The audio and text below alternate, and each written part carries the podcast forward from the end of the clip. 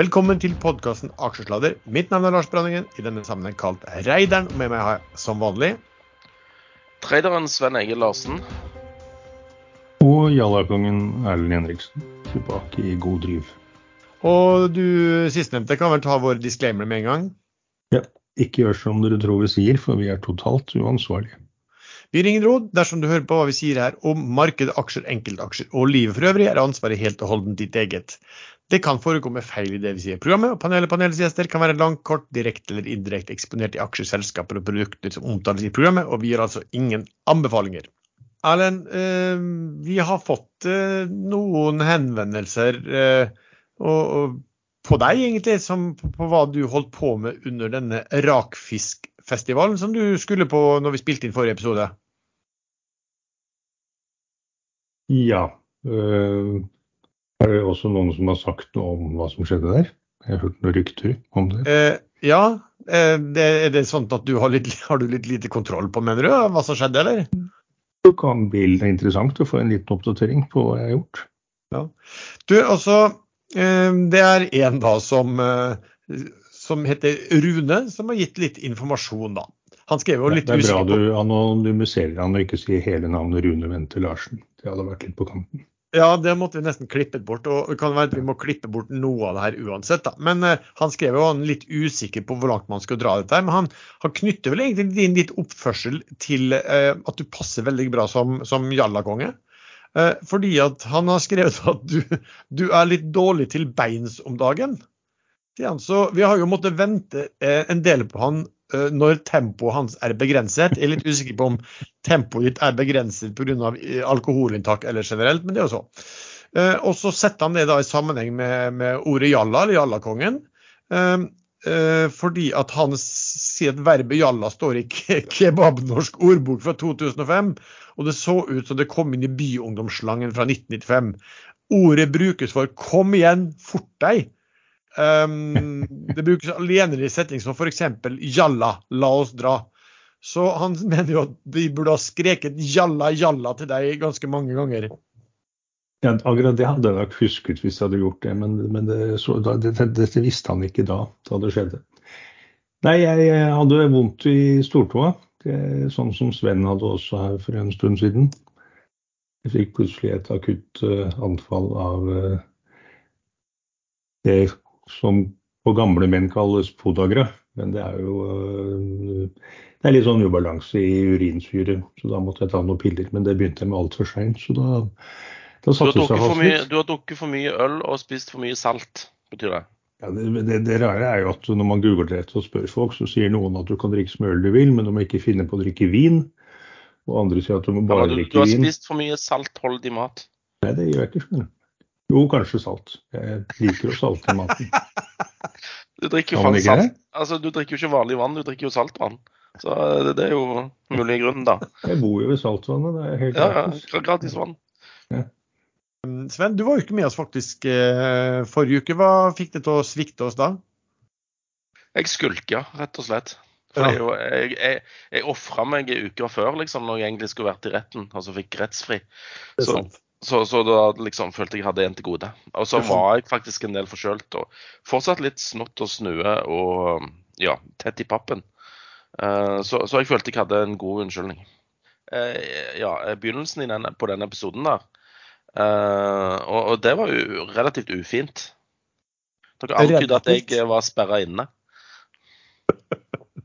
Og det vil du, det vil du herve det vil du herve på det bestemte benekte. Jeg vil i hvert fall si at jeg ikke sitter inne nå. Nå, ja. Eller jeg sitter jo inne. får man permisjon så tidlig? Nei, men eh, det er vel begrensa hvor lenge du kan eh, bli holdt i varetekt, er det ikke det? Ja, du, Hvis det er skjellig grunn til mistanke om rømningsfare. Ingen bevis uh, f- Hva det heter forsp forspillelse, eller hva det heter for noe. Det er noe sånt. Ja. sånn er det. Men, Men du det- Lars, eh, jeg ble litt sånn eh, Jeg klarte ikke å parere dem Runes, eh, Runes stridsslenging her. Eh, Det var i nedoverbakken fra huset hans til storteltet at han ropte 'komme igjen' eller 'jalla jalla' burde ropt. Han er nemlig ganske svær. Noen vil si han er smellfeit. Men jeg, jeg syns han er relativt godt plassert vektfordelt på den digre kroppen. Men grunnen til at han bare roper når vi gikk til storteltet, det er jo fordi da den farten han får når han løfter beina, den er jo helt enorm. Du mener, han, du mener han bare trekker inn bena og så bare ruller på?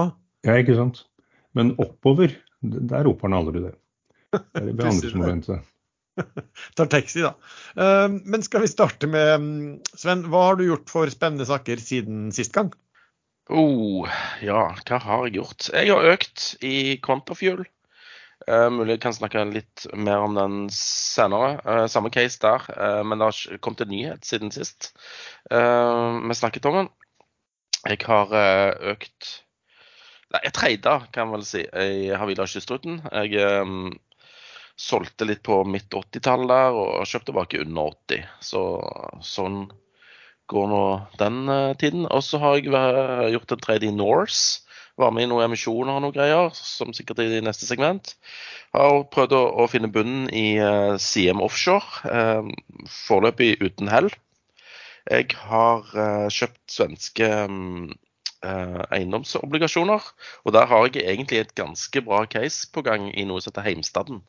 Eh, for der kom det nyheter om at eh, Tollefsen eh, har eh, til hensikt å, selge seg ned i Heimstaden bostad. Og det kan få implikasjoner for i hvert fall ett stykk bånd. Eh, og så har jeg har gjort mer òg. Jeg har solgt denne BV Ideol i dag, fordi der kommer Eh, som venta et bud, som vi òg snakket om tidligere episoder. Eh, og så har jeg gjort en tredje noe som heter Omda, som fører til Sesam Helt. Den ble litt pumpa før tallene i går, men uh, ser ut til å være tilbake til der den var før tall. Og så prøvde å finne bunn i Prosafe uten å lykkes. Litt, altså Jeg har vært ganske aktiv denne uken, så jeg, jeg kommer ikke på alt. Men jeg har gjort mye. Og det har skjedd mye. Ja, og det har gått bra? Uh, da, I hovedsak gått bra, ja. Jeg var med i den Norconsult. Den solgte jeg på Open. Uh, kan, men det er neste segment, det òg. For det var mye emisjoner og dritt uh, denne uken. Det har det vært, det. Uh, du da, Erlend, hva har du holdt på med? Jeg har faktisk gjort en del trades, men kun to aksjer i Noddle. selskapet som hentet penger på tolv av året. det er den eneste jeg har akkurat nå. Eh, solgt meg helt ut av Univid, som vi gjorde så godt vi kunne for å snakke ned eh, eller fortelle Fortelle egentlig hvordan det selskapet er og har vært. Eh, så, men de kommer plutselig med en melding om at, at de har funnet en partner. Reverse takeover. Så der tok jeg en del, og så økte jeg litt. Og så var jeg ikke så smart som deg som solgte alt på 130% opp på én dag, eh, eller fra en dag til neste dag. Jeg ventet litt for lenge, så det, nå er jeg helt ute, men det ble en god deal for det. Men akkurat den skal jeg nok eh, sikkert trede mer. Kommer litt an på børsen hva de gjør, om de opprettholder vedtaket om strykning, eller om og Univid dermed må gå til Børsklagenemnda for å se om de gjorde den avgjørelsen korrekt. Så, men i børsmeldingen til dette oppkjøpet så var det presisert at uh, det selskapet som da skal overta Univid, uh, de har en såkalt pre-IPO-godkjennelse fra Euronext i Irland. En pre-IPO-godkjennelse skulle man jo tro oppfyller børsens krav til å være notert for Oslo Børs også, i og med at de også er Euronext. Jeg vet ikke, vet, du, vet dere det? Nei, jeg har bare konstatert jo at de, de bare kom med den, eh, ja, den, den, den, dealen hvor de skulle gå sammen med, med et irsk selskap som var dominert av nordmenn, egentlig, og som skulle holde på innenfor AI og ja, litt sånn hva de skulle prises i forhold til hverandre, og at de skulle ja, Hva snakker de om? Gjøre en misjon på 40 øre, som det var. altså man håpet å gjøre, og så var det snakk om å dele ut innmaten i Univid til dagens aksjonærer. Det var vel det som var, ja. Så Hvis dagens innmat har en verdi, og de klarer å hente penger ut av den, så blir det en god deal for de som eier aksjer nå.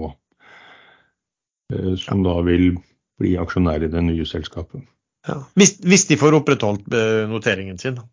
Det er jo med forbehold om det. Ja, det, det, er det. Og så er det 98 av eierne i det, i det, andre selskapet som må si ja. Nå er det vel opp på 91 Men andre selskapet trenger penger òg. Hva heter det igjen? Uh, SIU? SIU. SIU. Det, Ja. det, det dere kan si til pengene deres i det sel- selskapet, da. Sånn noe, Sven? See you later. See you never again. Ja, and it's, Ja, ikke and it's sant. gone. Ja. Nei, men altså, det der det sier jo, det, det er jo han der Bjørn Sellegg, tidligere eh, kriminalmegler i eh, svenske Enskildabanken, eh, som står bak. Så det er artig persongalleri. Så det er jo Ja. nordmenn, dette her. Ja, men de har, han har vel fått med seg en del sånne sikkert ganske gode gamle kunder? De har fått med seg kunder. Stor, Stordalen og, og ikke måte på, som er, Ja, er med Tveng. i SIU. Jeg er litt ute på den Tveng er involvert. Og, Men det er sånn, eh, det er sånn avansert sånn chatbot-AI-greier, forsto jeg. Det var jo sånn profilintervju med Sellegg i lørdagens, altså forrige lørdags uh, Finansavisen, som jeg leste Godt- med stor interesse. Godt tima. Godt ja. Men eh, det blir nok gjennomført den eh, fusjonen, vil jeg tro. Så lenge eh, Akkurat Univid har jo, før da de het noe annet, så har de også måttet gå gjennom en opptaksprosess en gang til på nytt, og det klarte de jo. Så, så lenge de har antall aksjonærer og innmaten på plass, og det nye selskapet oppfyller kravene til innhold, så kan ikke børsen si nei, men de ryker vel på en 10-20 millioner hvis de må gjennom det på nytt. Men de presiserte da to ganger i den meldingen på to forskjellige steder at de hadde denne pre-IPO-godkjenningen i Euronex, så jeg vil tro at de, de kommer i hvert fall til å kjøre hardt på det, at de er godkjent. Ja, og med, med sterke advokater. Så det blir jo spennende å se hva som eh, skjer der framover. Ok, eh, For min del, hva jeg har gjort? Jeg har ja, solgt litt Siberduken, ser jeg. Jeg hadde litt Oddfjell som er solgt ut. Jeg hadde jo denne eh, long short, altså long ned i, USA og short Kedler, fordi at de var priser, altså de, de skal jo fusjoneres. Og Cadler var prisa mye høyere i forhold til Neti. Nå gikk eh, den eh, ganske mye inn, eh, den, eh, den prisdifferansen der. Så da eh, avvikla den long shorten. Det var nede på 7% differanse, eller 6 litt, litt usikker i farta. Jeg bare så det kjapt og solgte. Så har jeg trada litt eh, Gram Car Carriers. Jeg har jo da solgt denne Univid, som eh, Erlend nevnte også. Det ble jo helt strålende. Vi, vi, det var jo litt morsomt at vi snakka om den i, i eh, forrige podkast. Ja, det var begge inne. Og Erlend, du summerte vel opp cases og aksjen som eh, Jeg tror du sa noe sånt som la at ren søppel fra ende til annen.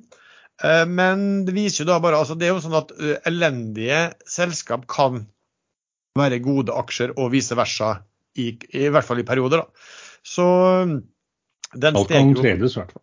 ja. Men hvis den- jeg har klart å si det, jeg pleier å ha et veldig eh, avansert filter for at sånn ikke kommer ut av munnen min.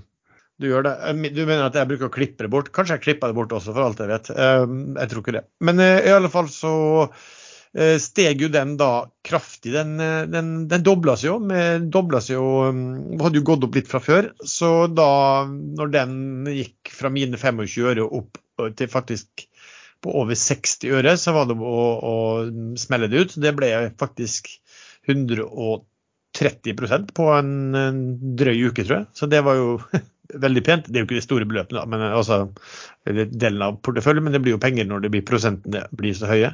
Det kommer Ellers- godt med når du skal sponse XI, nei, aksjesladderjulebordet på, på an, annen etasje. Ja, men det har vi Men julebordet, julebordet, jule- julebordet er avholdt. Ja. Det ble avholdt i Spania. Med suksess og stor konjakk til slutt, for de som ikke fikk det med seg. Nei, det var ikke alle som fikk med seg at det var planlagt julebord heller i Spania. Bare fordi Lars tilfeldigvis eh, dro på ferietur ned dit, og du tilfeldigvis var der. Så jeg er ikke helt ferdig med denne episoden der og nå. Nei, vi kommer tilbake til den, tror jeg. Uh, ellers så har jeg redusert litt i Ifi. Jeg kjøpte jo litt Ifi på, bare på sju kroner fordi at Spetalen og co. hadde garantert en emisjon på åtte. Uh, men, og regna kanskje med at de ville prøve å gjøre noe for å slippe å få den i fanget, men de gjorde det ikke. De fikk hele i fanget, og den uh, solgte jeg vel litt rundt på rundt sjutallet igjen, da, men jeg har fortsatt uh, noen igjen. Og den har jo falt godt stykke under der. Så jeg tror noen sa at det var var, var, var, nesten 20 under eh, nivået som Spetalen med venner hadde nå fått aksjer på. Um, så har jo denne Nordic Unman gått bra på børsen i de siste dagene, så der har jeg vel kanskje redusert med ja, ca. halvparten av aksjene der. Gjorde en trade i Crayon, det skal vi snakke litt senere om i, i episoden, men jeg gjorde i hvert fall en trade der, for den falt voldsomt på noen tall. Eh, var egentlig veldig fornøyd med meg selv, fordi at den eh, det var litt størrelse på den traden, og den gikk faktisk opp 10 nesten på, på, dagen og solgte. Men skulle holdt på den igjen, for vi gikk jo nye ja, 10-15% derifra også. Um, så sånn var det. Um, ellers så har jeg faktisk kjøpt litt Quantafuel. Og så har jeg jo da solgt uh, BV Ideol-aksjene mine. Og den siste jeg har solgt, er NSK Metallag, som ble godt mottatt. Doff Group, der var den, jeg har vært med lenge der. Og da i dag gikk mine siste aksjer ut uh, tidlig på dagen. Får vi se om vi kommer oss inn igjen der eh, i den eller noe annet. Eh, har jo litt annet supply, da. Så, sånn er det. OK, eh, Sven. Hva har vi hatt av um, emisjoner og den type i denne uken? Jeg ble litt busy, busy, med andre saker igjen her. Um, uh, uh, Norconsult kom i dag. Det var jo en IPO, rett og slett. Uh, så vi kan jo gjerne starte med den. Norconsult er jo sånn type konkurrent til denne her Multiconsult. Det er masse konsulenter som skriver regninger med gaffel og finner ut hvordan de skal bygge ting og tang rundt forbi. Uh, og så bestemte de seg for å gå på børs. masse meglerhus, Carnegie, DNB og i hvert fall en eller to til. Eh, sa at det skulle prises eh, mellom 19 og 23 kroner per aksje. Det ble 19. Og 'multiple times covered' var beskjeden vi fikk der. Lur som jeg er, så prøvde jeg også å grisle til meg mest mulig aksjer. Og da bestilte jeg 500 000 kroner på selskapet og 500 000 kroner privat. Og så fikk jeg jo tildeling på 378 000 i begge plasser. Så plutselig fikk jeg masse aksjer i forhold til det jeg trodde jeg skulle få. Så da eh, peller jeg de ut på Open, for jeg tenkte at eh, ja vel, eh, hvorfor skal disse norske dritt-IPO-ene aldri liksom gå i pluss? Eh, og det er ikke min feil. Eh, jeg hadde ikke solgt hvis den hadde stått der på 20. Da hadde jeg liksom eh, sett hva som hadde skjedd, og, og, kanskje blitt med litt til. Og solgt den på 1950 litt senere. Men uansett, så, så Jeg, jeg syns Altså, de hauser disse IPO-ene, og så er det likevel han ligger på 19 blank nå òg. Altså... Men, men bare så, øh, du, hva, hva, sa du at du hadde tegna deg for? Hvor mye hadde du tegna deg for? 500 000 kroner. Og så fikk du for 378 000. Så du fikk liksom over 70% av det du hadde tegna deg for, på, på, noe som var multiple times oversubscribed? Ja, men jeg var jo i retail-transjen, og der var det tydeligvis ikke så stor interesse som i, i den institusjonelle. Ja. For der var det mange som fikk lite. Okay. Altså De som kom inn sent, de fikk null. Men allikevel så skal alle selge aksjene sine i dag. Så er det jo noe som skurrer her. Er det ikke det? Altså, Nei, jeg hadde muta meg, så det var ikke meg. Nei, men, eh, men, men det har jo vært altså IPOs har jo vært elendig. Det var faktisk ganske bra. Det er noe som skurrer her. Ja, bra, Erlend. Jeg tror det er all, all time high. Den begynner å komme etter forrige fredag. Forrige helg. Jo, men Det har jo vært så mange elendige mm, emisjoner og IPOs og sånn. Nå var det jo en oversikt i Finansavisen som hadde IPOs på og Det var all, all, alle som hadde kommet i 2020 og 2021. Eh, over halvparten var det over 50% og gjennomsnittlig, hvis du putta en krone i eh, alle eh, IPO-ene i de to årene, så hadde du vært i minus 37 i dag det, det, det, er jo ofte litt sånn støttekjøp fra, fra, tilretteleggerne når det kommer også, så at den starter på null, liksom, er jo ikke noe multiple overskudd. Det er jo ikke akkurat noe styrke for den videre, Sven, tenker du dem? Nei, jeg tenker når den grønne skoen er fylt opp, så er det dykkermaske på til bunns. Eh, hva annet har vi som har gjort eller planlagt emisjonen? Nei, du må, du må, hjelpe meg her, så kan jeg heller fylle inn om jeg var med eller ikke, og hva jeg fikk og ikke fikk og sånn. For jeg, jeg, eh, jeg, holder på med noen svenske greier her for øyeblikket, så jeg er litt, litt sånn ja. Hodet mitt er delt i en høyre og venstre hjernehalvdel. Kan jeg hjelpe deg? En som kom uh, i går, Otovo. Otovo, ja. Fastpris 345. eh, som var 3% rabatt. Eh, der ble jeg ikke med. Eh, men jeg kjenner til en, en felles venn av oss, eh, som en tidligere kokk, eh, som var med, og han eh, fikk vel Var det 2,5% tildeling eller noe sånt? Av en minstetegning på 1,2 mil.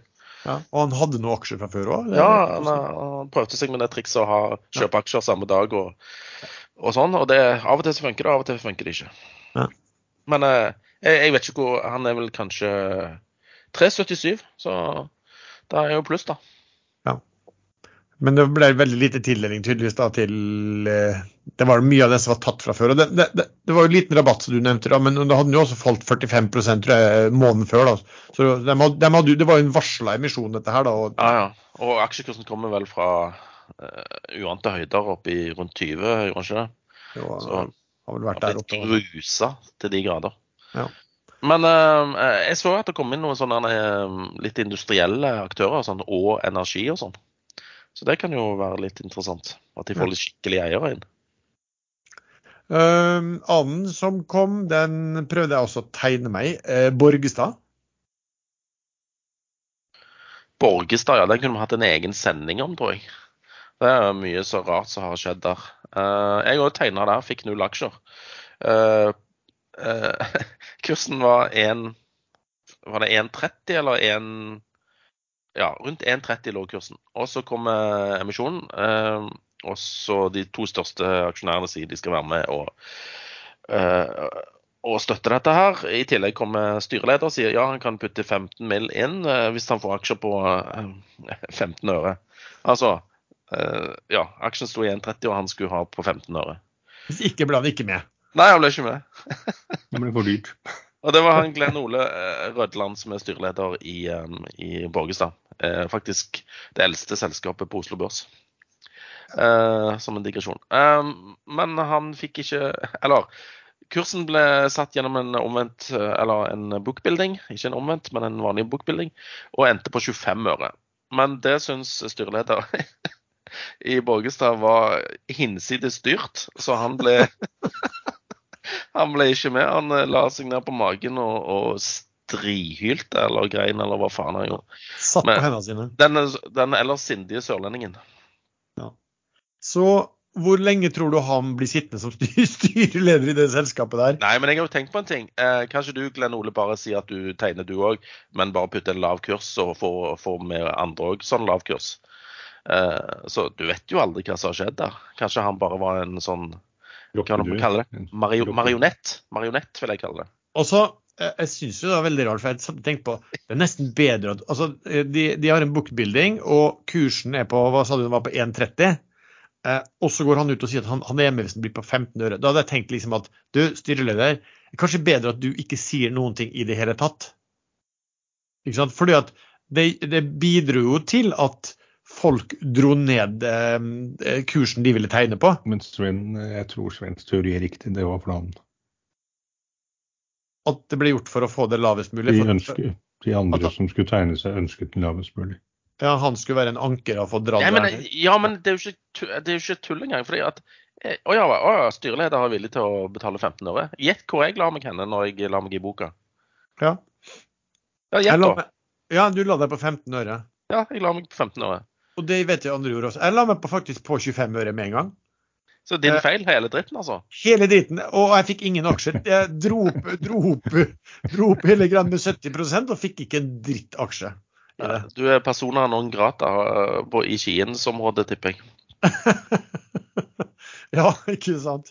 Uh, nei, men også, uh, nå satt jeg så litt på de, på de tallene her, og det var liksom veldig vanskelig å si. og De skal liksom ha store merverdier da, i, i denne eiendommen sin i, i, i uh, Polen. Polen heter det. Polen. Ja. Polen. Litt morsom sak egentlig, i stedet for at jeg var på førstesida av Dagens Næringsliv for mange år siden. fordi at det, da, da Borgestad hadde to sånne, og solgte, de solgte sin første um, eiendom sånne, i, i, Polen mens den var, den var vel akkurat ferdigstilt, og den de har nå er under bygging. Eh, og fikk en stor gevinst på det. Og så ble det et eller annet om at uh, i sosiale medier så var det noen som har skrevet at pass på denne her, liksom, de, de, de er ferdigstilte, her er det store merverdier, og dette selskapet skal vel ikke eie dette her. Og det skjedde jo, og ja, da ble det litt styr om uh, hvem som hadde skrevet og måtte være innsider, så jeg måtte jo tilstå at det var egentlig bare å lese meldingene fra selskapet og sånn. Men uh, det er, en, det er en annen eh, lang historie. Eh, men, men, det som var litt rart der, var at jeg så faktisk på at de hadde en verdiberegning på den eiendommen sin i Polen, basert på ja, inntektene og driftskostnadene og en yield. Men, men, det stemte jo ikke overens med i hele tatt den beregningen de hadde med hva de faktisk i regnskapet sitt sjøl viste av kostnader knytta til Eh, eiendomssegmentet sitt. Så det var noe jeg kom til å spørre selskapet ganske nøye om. Hva i all verden er alle disse kostnadene? Men eh, når du ikke eier noen ting, så, så gidder du jo ikke det. Så har vi noen andre som har kommet med eh, Ja, Swipe har kommet med melding om emisjon. Den har ikke fått med meg. Nei, på, på hvilken kurs da? En krone? Nei, de skal, det er en ren fortrinnsrettsemisjon som blir gjort på 60 øre. Den fikk jeg med meg, for den, den eier jo. Det er jo en av den bitte lille som jeg har sittet på. og egentlig hver gang man har tenkt man skal selge noen ting, så ser man at det er jo ingenting på, det er jo ingenting på selgeren. Det er på kjøperen, liksom. Og de har vel ikke levert, og de har vel egentlig fortalt hvor enorme framtidsutsikter, og nå, nå, nå, løsnet alt. og når de da begynte å skrive til og med at de, de var nøysomme på kostnadene, mens de, de, ja, det kan man ikke si de er når de ikke får til noen ting ennå. Men i alle fall, de skal gjøre en, en fortrinnsrettemisjon på 60 øre. altså I tillegg så får du én uh, warrant uh, på 60 øre som du kan tegne deg uh, i desember neste år. Da vet man hvor den kursen holder seg til desember neste år. Ja, jeg tror det er sånn at to warrants, du må ha to warrants for å tegne deg én aksje da, neste år. Det forrige emisjonen er ikke så lenge siden, det var ikke ja, men, det rett før sommeren? Den, jeg tror ikke det der er så enkelt som det, det, du sier nå, at da holder kursen seg der. Det er bare å se på um, Bergen Bio-kursen og, og den ja, noterte warrants der. Men uh, Biofish har jo ligget rundt og vaket rundt huset. um, ja, ja da. Men den var vel også oppe i nesten de to, to, kroner en periode etterpå? Jo, det kommer sånne sprell innimellom. Ja, men ja. da må man følge med på når hvor den skal innløses. Skal man være med på sånne drønn og så selge i tide. Men var det ikke 480 de hentet penger på før sommeren? Ja, det var jo ikke... På firetallet i hvert fall Det var jo ikke før sånn. Har, har eid dem så, jo, jeg tror jeg må eie dem lenger enn det. skjønner du. Ja, den var jo oppe i, 9, var jo oppe i 20 kroner, sånn, så datt, den sklei nedover. Og så skulle de plutselig gjøre en ny emisjon eh, langt under. og Det var også fortrinnsrett garantert av noen store svenske eiere på 84 eller noe sånt. da. Og nå skal de gjøre det på 60 øre. Men eh, det, sånn er det. Eh, en annen som vel har meldt at de har leid inn et meglerhus eh, til å se på ting, er vel Hødli Hudley også. Så du meldinger fra dem, Sven? Hudley, nei. Det er, sånne selskaper jeg aldri ser på. Hudley og Sveip og Altså, det er sånn det, Lønnsomheten er fraværende og milevis unna.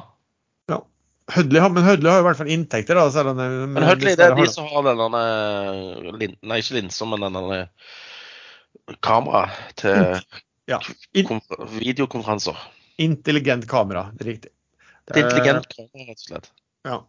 Men eh, de var litt spesielt, det. For at én, eh, de meldte at de hadde leid inn et meglerhus til å se på finansiering. Lurer på om det var Pareto eller noe sånt. To, eh, så nevnte de vel at det var liksom industrielle aktører som var interessert i de. Jeg satt og tenkte på ok, hvis det er industrielle Gidder de da å leie inn et meglerhus til å begynne å se på finansieringen nå? Ja, kanskje. Eller er det sånn at de trenger finansiering og da forteller om veldig løse samtaler, snakk med noen industrielle aktører for å få opp interessen for den emisjonen? Det er ikke godt å si. Det vil jo vise seg. Uh, når, vi, vi fleipa jo da, som vi sa i starten, eh, Sven, om at du uh, du var tatt av politiet. Men så nå når denne BV Ideol-budet kom, så var det jo folk som virkelig mente at du, de burde ta seg en kikk på den. For du begynner jo å bli litt sånn budkongen på Oslo Børs nå, som, som prediker hvilke selskap som skal kjøpes opp, og de blir kjøpt opp. Ja, men, var, men, var, vi ferdig med den uh, emisjonsbolken? Eh, ja, hadde du North Atlantic, hadde vi dekka den? Uh, nei, men var ikke de ferdige forrige uke? Vi snakka en del om det i forrige uke, nemlig. Uh, OK. Jeg var gjerne det. Ja. Vi, vi gjorde det. Um, den ble jo økt, og de, ja, de tok, og så det vel noe Nå snakker ja, Ja, om men da er det jeg som Jeg, jeg hørte kun uh, innledningen i forrige episode. Da ble du så fornærma at da kasta du headset og gikk. Ja, jeg skrudde av radioen, for å si det sånn. Ja. Men uh, du prøvde å snakke deg bort da fra temaet. For hva er, hva er, fortell nå, hva er hemmeligheten for at du klarer å, um, å finne og predike sånne oppkjøpsselskap, aksjer? Nei, det er primært gode kontakter, vil jeg si. Ja. Nei, det er jo ikke det, da. Det er jo det at du følger med litt og ser hva selskapene selv sier. Og så har du et meglerhus som heter Pareto, som satte meg egentlig litt på ideen. Eh, De trodde at de blir tatt av børs, eh, fordi at eh, det er ikke noe vits å ha dette på børs, og de kommer til å trenge penger framover. Og da må de hente og ja, emisjonsklima når de kommer det, var bedre enn det er nå. Og de har vel kanskje funnet ut at eh, Altså, eh, de kom med tall òg i dag, og de viser at de har to millioner euro igjen på, i, i kontanter. Eh, og de har store planer, så de trenger å hente penger. Og det vil jo være mest sannsynlig ødeleggende for eh, aksjekursen. Så jeg tror det egentlig er fair at de tar det av børs, men at tolv kroner kanskje er i underkant av det som eh, kanskje kan oppleves som en, en eh, reell verdi på selskapet. fordi at han var vel rundt 12 kroner når de kom med den franske eh, partneren sin. Nei. Eh, var ikke så høy? Nei, altså hvis du eh, Jeg begynte jo å snakke om den, for det var snakk om at de trengte penger. og Det var, det var i, rundt årsskiftet i år. Og da lå kursen rundt på rundt 6-7 kroner, tror jeg. Den, den lå da. Og så fikk jo da, da, gikk jo da eierne selv, altså de store selv inn med og, og, og lånte dem penger. Og så kom disse her, eh, etter hvert dette statsselskapet på banen. Um, som um, sånn, sånn grønt statseid selskap i Frankrike som, som ville investere i et datterselskap og, og ja, deler av asseten deres. Men jeg lurer på om kursen da toucha opp igjen 13 kroner eller noe sånt? Altså, så det du sier han var over det nivået som han ble tatt ut på nå? Ganske sikker på at den var det, altså. For jeg var ikke smart nok til til å bombe ut mine aksjer på, på 13. For det var jo sånn at prisingen som disse eh, franske partnerne kom inn, tilsa jo bare at, at, at den delen alene skulle være verdt, eh, skulle være verdt eh, 20. Jeg, jeg tok opp eh, 27. mars eh, 2023, det er sikkert når den nyheten kom, så eh, 12.35 var høyeste. På closen, rett og slett. Altså, vel å merke. Kan godt være han var oppe i 13 intradag. ja, den var oppe i 13,2, ser jeg eh, på det meste den eh, Den dagen. Nei, altså den, eh, den, dag, den gikk jo 77% den dagen eh, hvor de meldte dette. Men så var det noen, noen dager etterpå så gikk han i, vant på det høyeste 13,2 Okay. Uh, open. Ja. Så nå blir det 12, og det har du akseptert, eller? Nei, jeg stakk halen mellom beina og solgte på 11,85. Metoo. Metoo, ja. Ja. Det er, blir det av sånn uh, metoo-greier? Er, er det fortsatt hot, eller er det not hot?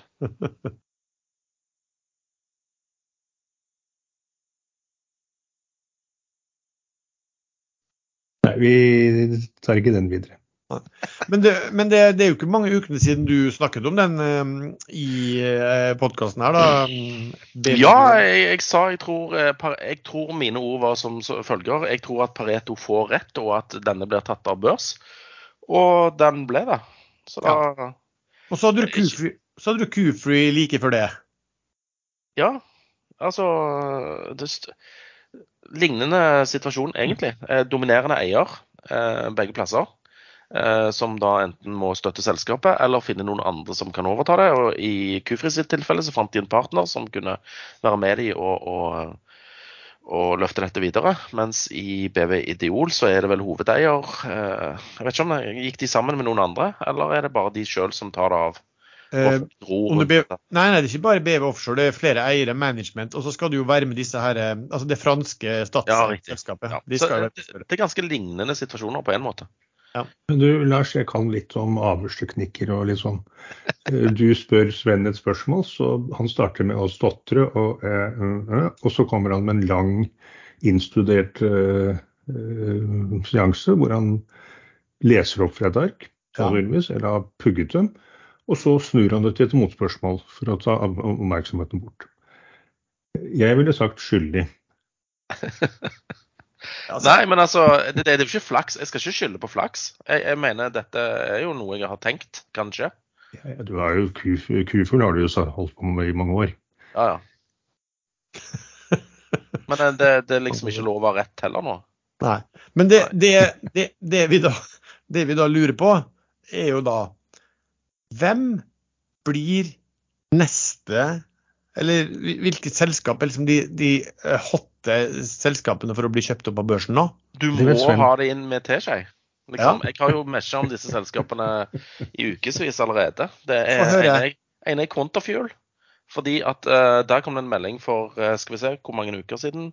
Jo, men, de har, de, ja, men de, de, har, jo vært, altså de er jo eid 85% der. Det er jo bare et bud som har løpt ut, liksom. så det er jo ikke noe... Ja, ja, men budet der er på 6,38. Aksjen ligger nå på 4,30 eller 4,20. Uh, det som skjedde der, det er faktisk litt viktig. Disse her Viridor eller Harald Bidko, som da er største eier med 83% de har gjort noen endringer på hvordan de kan konvertere gjeld til egenkapital. Før var fristen Eller konverteringsdatoen var i april Nei, 30.9.2024. Nå har de endra de vilkårene til de kan eh, konvertere anytime fra nå og til eh, til eh, 30.9.2024. Og hvorfor gjør de det? Det er jo, er jo, fordi at de kan Altså, da har de mulighet til å gjøre det nå. Eh, jeg tror de kommer til å gjøre det rett etter Q3-tallene som kommer neste uke. Så um, jeg, jeg, tror de har lyst til å ta det av børs. Om, ja, det, det, men det er jo sånn at hvis de eh, bestemmer seg for å ta det av børs før siste januar, så er de nødt til å betale. 31. januar. Så er det noen seksmånedersgreier der med at de betalte 638 senest 31.07.2023. Jeg kan ikke gi finjussen der. Men altså, hvis de ikke er i nærheten av 638, men jeg tror det blir 638, så kommer jo eh, sinte aksjonærer eh, til å kreve 638 som fair innløsning. Hvis de da er kommet over 90% så blir det et skjønn. Det tror jeg ikke de gidder. Viridor er store, de er milliardbedrift. Jeg tror ikke de gidder å dille med noen sånne tullinger sånn som meg og noen andre som har kjøpt aksjer lavt her. Ja, Men det er jo sånn at uh, de, de uh, altså Storeierne har jo lånt selskapet mye penger. Og så har ja. de nå lov til å konvertere det til en kurs som tilsvarer altså Det laveste av 638 eller en snittkurs de tre dagene før de melder konvertering. Ja, Så de, egentlig kan de konvertere nå på 4,2? Stemmer det. Men det betyr ikke at de kan ta, ta det av børs til 4,2.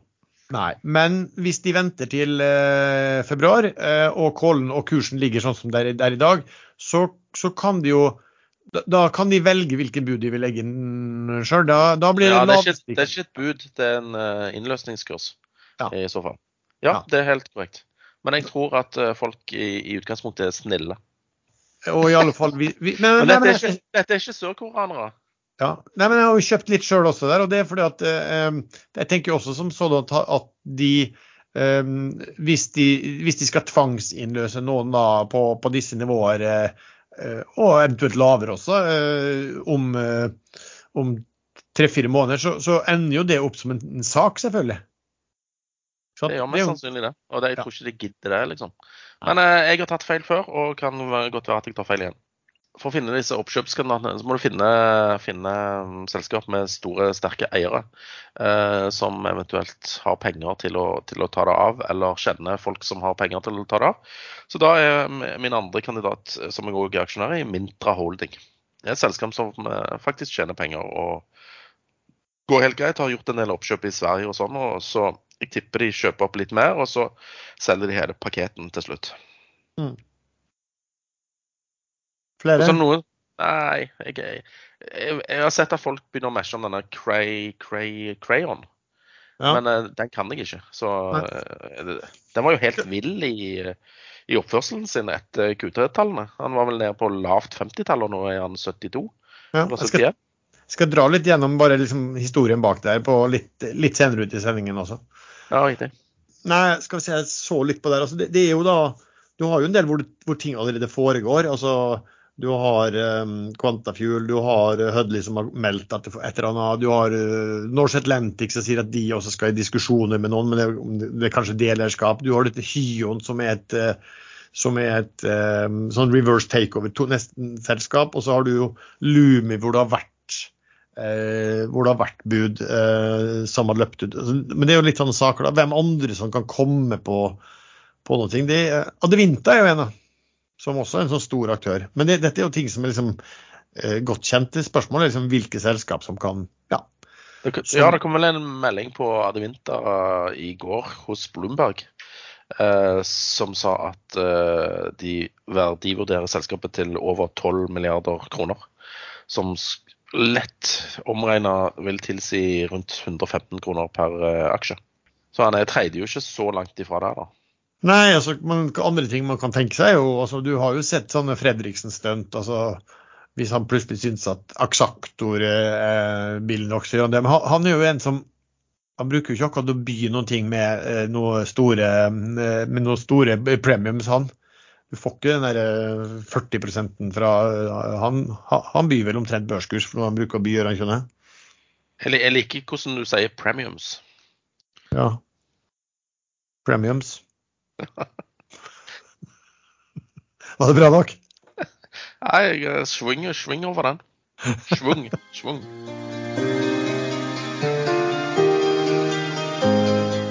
Nordhealth, ticker NORDH, er et internasjonalt business-to-business-selskap som leverer software til veterinær- og helsesektoren. Selskapet er notert på Euronext Growth i Oslo med en markedsverdi på ca. 2 milliarder kroner, Det er basert på ca. 80 millioner utestående aksjer. Selskapet har hovedbase i Norden, men vokser raskt i USA, UK og Spania, og har et sterkt internasjonalt fokus. På kundelisten er selskapet noen av verdens største veterinærkjeder, bl.a. IWC, Evidentia, Anicura og Vets for Pets. Siden selskapet ble notert i juni 2021, har gjentagende inntekter ARR økt betraktelig og er nå i overkant av 400 millioner norske kroner, med en årlig vekst i gjentagende inntekter på ca. 20% I modne segmenter og markeder leverer selskapet sterk lønnsomhet, 40-50 EBITDA-margin, men store investeringer for internasjonal vekst setter marginene under press på kort sikt. Dog har lønnsomheten forbedret seg kraftig de siste kvartalene. Fra årsslutt 2021 har selskapet gått fra 257 ansatte til 377 ansatte ved utgangen av Q2 2023. Selskapet opererer i attraktive nisjemarkeder med sterkt underliggende vekst og er verdensledende innenfor sine områder. Førstkommende tirsdag 14.11 så arrangerer selskapet en kapitalmarkedsdag. Du kan finne lenken til denne i beskrivelsen til denne episoden. For fysisk påmelding så send gjerne en post til ca.carnegie.no. Dette er sponset innhold med tekst laget av selskapet.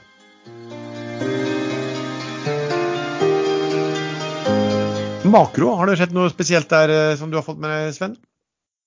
Uh, USA har holdt Var det denne uken? At de Nei, det var det vel ikke. Nei, eh, makro eneste jeg har fått med i dag, er at inflasjonen i Norge var høyere enn forventa. Uh, 6 mot venta 5,5 Eh, så det kan tyde på ny renteheving i eh, desember. Oddsen er vel oppe i rundt 80% nå, mot tidligere rundt 30-35. Ja. Så det tyder på at eh, alle får det de ønsker seg til jul, altså renteøkning. Ja, men, men ellers sånn i USA så har jo den tiåringen har jo falt.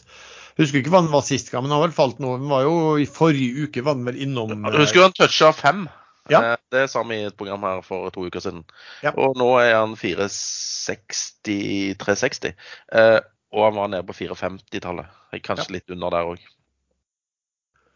Skal vi snakke litt da om uh, Crayon, kanskje? Uh, var det flere av dere som Du var ikke inne og treide den da, Sven? Nei, det er et selskap jeg aldri har interessert meg for. Uh, det er noe sånn, er ikke det noe sånn softwareintegrasjon og konsulentfirma?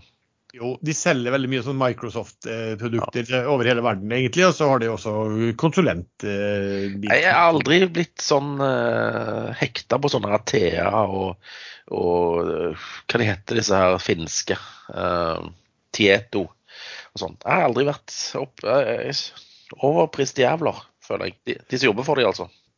Crayon har jo vært en sånn yndling blant, uh, blant uh, meglerhusene. Uh, men nå er den ned faktisk 64% på to år, og i år ned 30% Men den, den var jo også på nærmere Skal vi se hvordan den kom, når de tallene kom. Da var den ned Den var på 69 kroner da, på tirsdag. Så kom det tall på onsdag, og den falt ned til 53. Uh, før den svingte tilbake igjen på 63,9 og gått videre opp, og noen på 71,5. Så den er altså, nå er den også en 3 høyere enn uh, når tallene kom.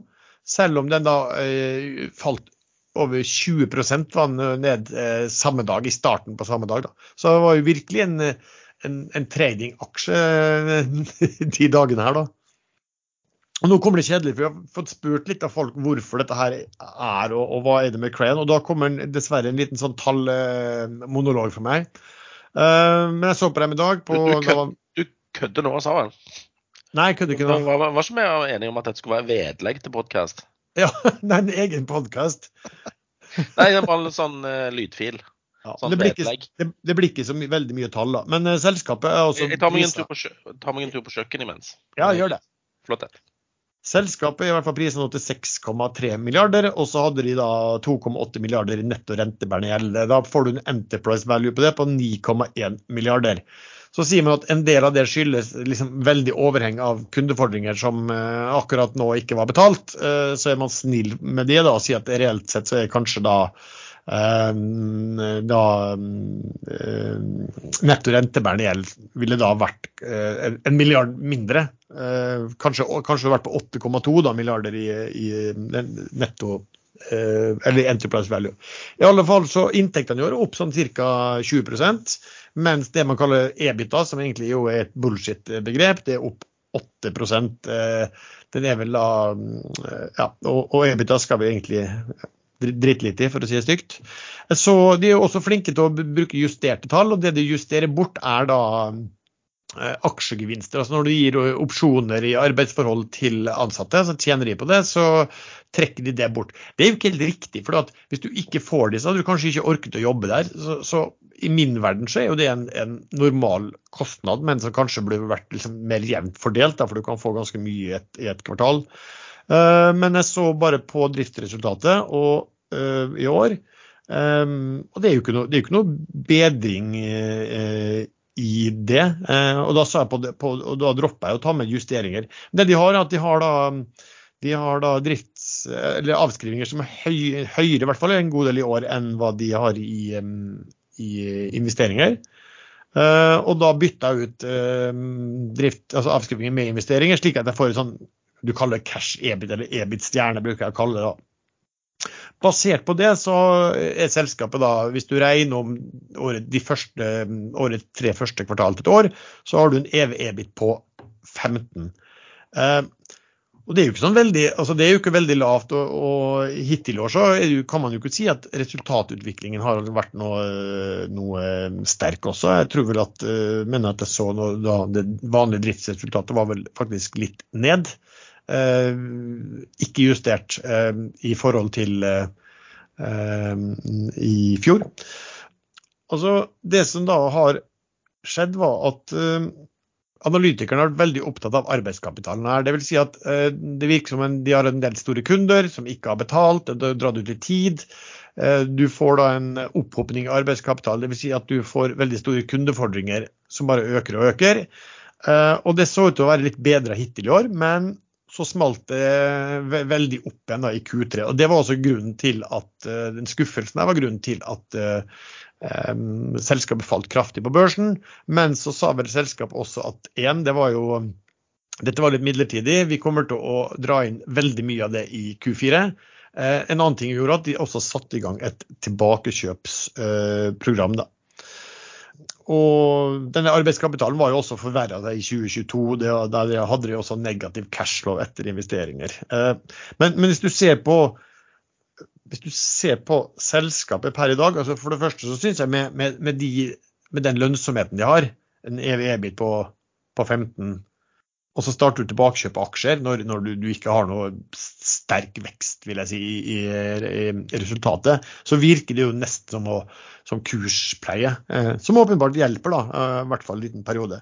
Så jeg kan jo ikke si at jeg synes det er så veldig attraktivt på, på nøkkeltall nå, men hele caset fra analytikerne er jo at, eh, at, resultatene skal styrkes veldig mye i 2024. De, jeg så bare et um, når jeg så på en, en for ett megler, så så jeg at de trodde at inntjeningen per aksje skulle øke 10% i år, men neste år, da skal det bli bra, for da skal det øke 140% Så vi får vel se, da. Men det, det ligger i hvert fall veldig høye kursmål fra en del eh, meglerhus der, som åpenbart tror på at inntjeningen skal komme som et skudd neste år. Jeg kan vel ikke si noe spesielt om jeg tror på det eller ikke, men i hvert fall 2023. Eh, da, de må i hvert fall opp i en helt, helt annen lønnsomhetstakt enn eh, hva de har hatt i år. da.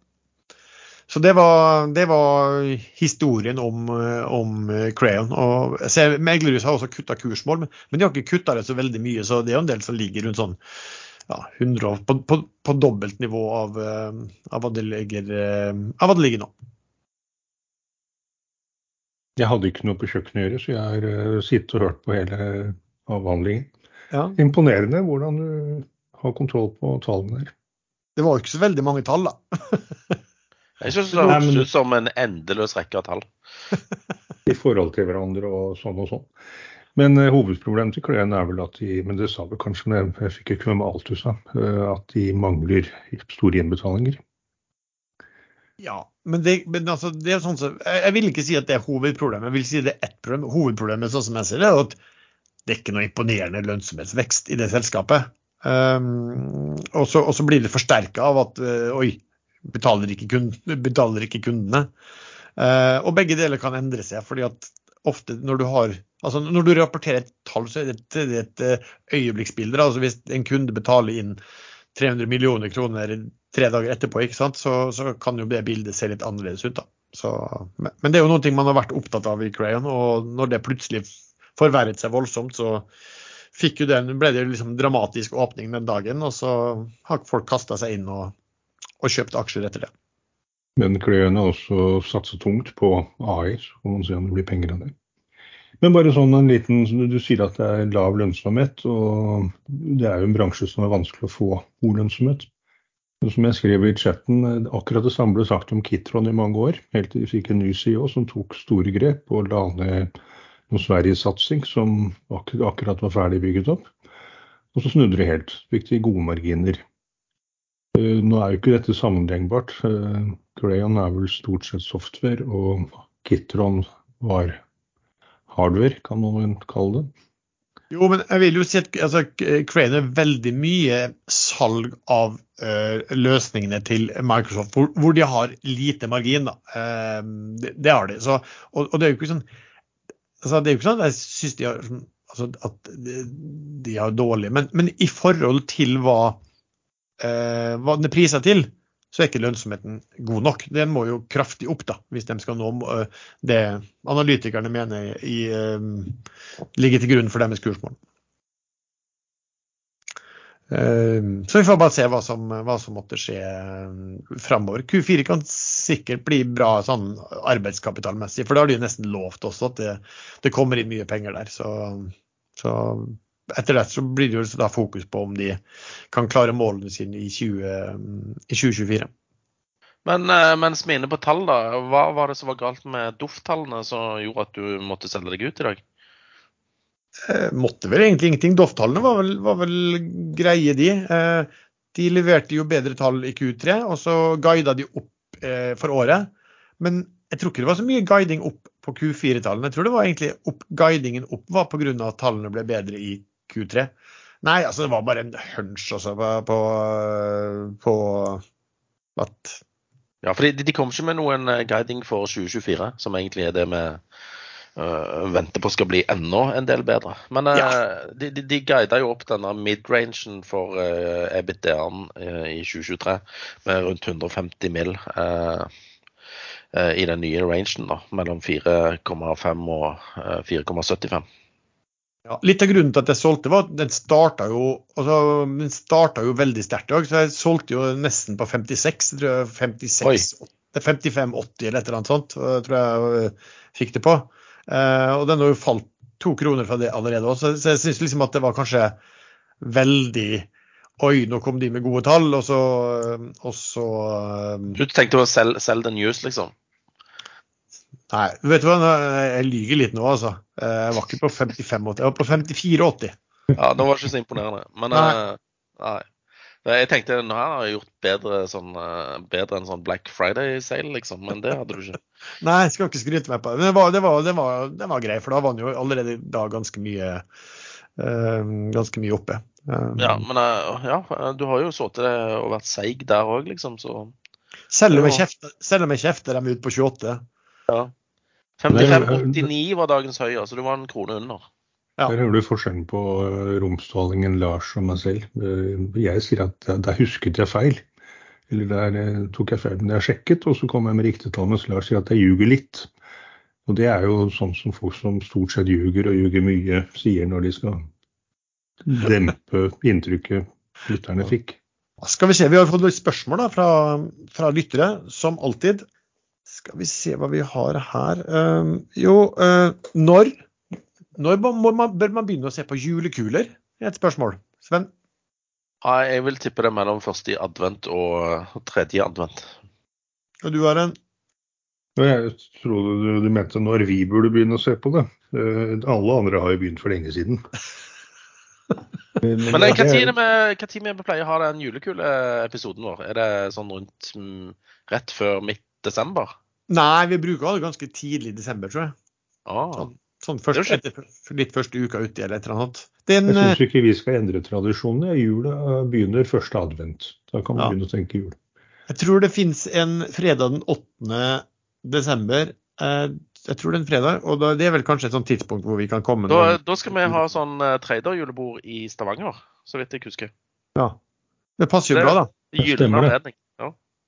Ja. Ja, Gyllen og Gyllen. Da sitter jeg på flyet. Flyet går eh, ved tolvtiden eller noe sånt. Hvor du skal? Jeg skal til Stavanger på julebord sammen med deg. Den mailen har jeg ikke fått, for å si det sånn. Du glemte å se hvem som skulle delta, liksom. Men da skal jo sikkert ikke du på det samme julebordet, for dette gidder du ikke en hel aften sammen med meg. Så da, da kan du og Lars ta aksjesladder alene. Nei, vi må starte litt tidlig. Eh, Jeg kan kjøre opp til Gardermoen, så tar vi det derfra.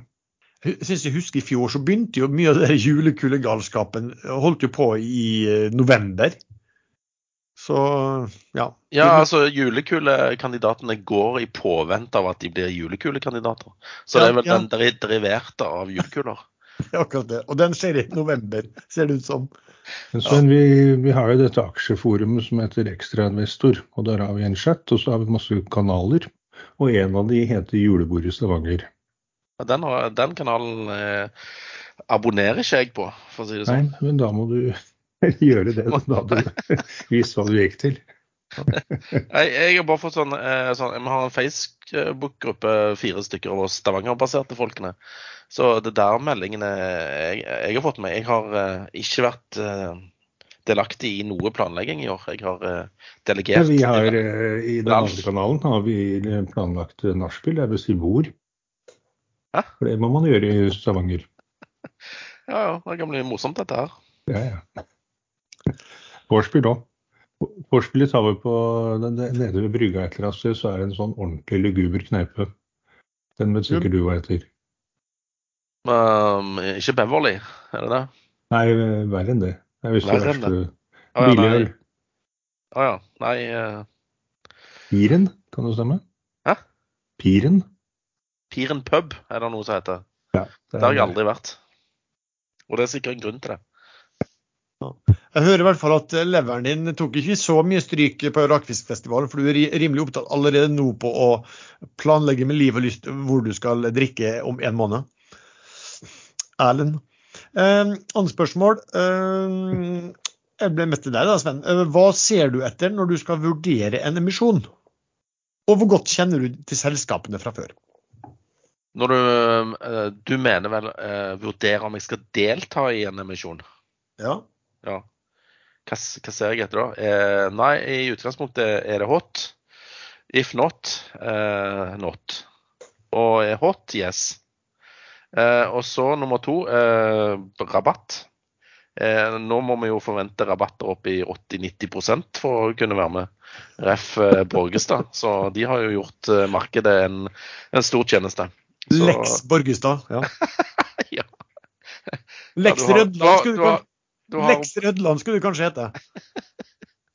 ja, du har emisjoner før og etter Borgestad. Kommer til å stå liksom i historiebøkene. Åh, nei. Det kom akkurat en eh, melding om én, to, tre, fire innsidekjøp i Endur. Gamle Bergen Klubb. Group. Er den dritten fortsatt på børs? Ja, men poenget er jo at den eh, er jo åpenbart ikke dritt lenger. Eh, Sikkert ikke vært det på en god stund. Den er på, de kjøpte på 42 kroner nå. Det er Og det- da vi kalte det dritt, så var jo kursen nede på under 20 eller noe sånt. Så de har klart å dra det selskapet opp. Det er markedspris. 42,30 ligger den på nå. det, det kom vel inn altså de, de ble vel, eller kjøpte opp ganske, ganske stor en industriell del. og Det er vel de folka som har overtatt styringen på det selskapet der. Jeg tror det er andre folk som har styrt på det. Den er opp 22 eh, hittil i år. Er jo ned 40 da, på tre år, men den har vært bra, eh, har vært bra i år. Det er ikke sant, Den har vel gått 20% hvert år, og det blir vel 40 totalt, kanskje? Eh, 40% ned på, på tre år. Ja, men da, da var sånn, En eller annen gang etter det så begynte oppgangen, og da har den gått jevnt og trutt siden. Ja, den har vært oppe på eh, ja, nesten 50 i år, da, så vel sklir tilbake på 42 nå. Ja, så Det er en sånn eksempel på at drittselskap faktisk kan funke. Og kan, snu, og, ja, og kan snu seg om og bli, ser ut som det blir et, eh, et, eh, skikkelig selskap etter hvert. ikke sant? Skal vi se annet spørsmål vi har. Jo, øh, kanskje du har lyst til å si noe om det, Erlend, hvis du kjenner til Freyr? For der har vel kommet noen, har ikke de kollapsa i USA med å tidligere sjefer eller store aksjonærer har solgt masse aksjer før de kollapsa og litt sant? Hva, hva, Jeg, jeg følger med på det, men heldigvis hadde jeg flaks. for Jeg kjøpte på 18 dollar eller kroner, var det vel.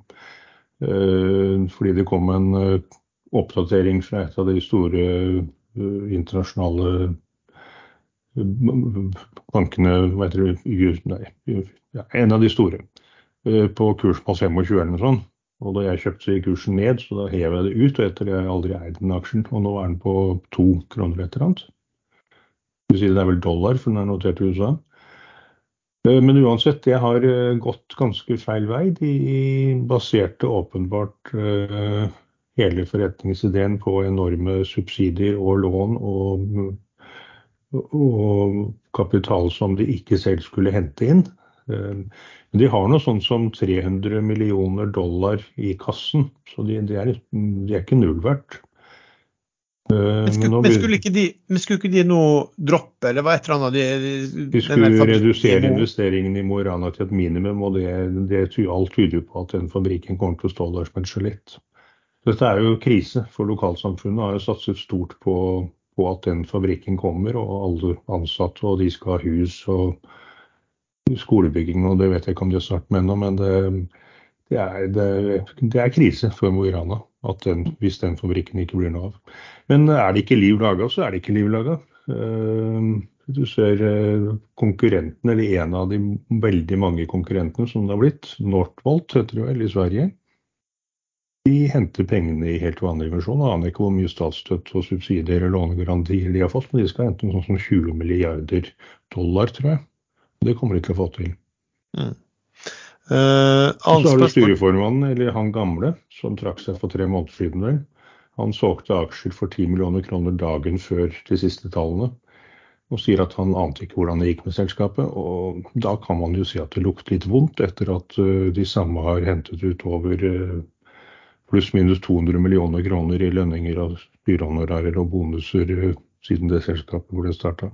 Ja. Så det Ja.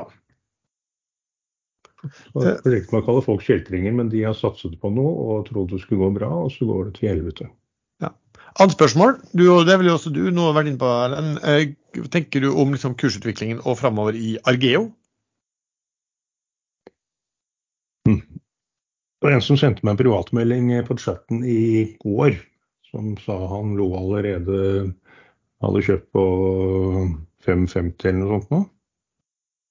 Nei, ikke 550. Nei, nå blander jeg altså selskap. Han hadde kjøpt PRS, han, eller Prosef, på 65 etter emisjonen.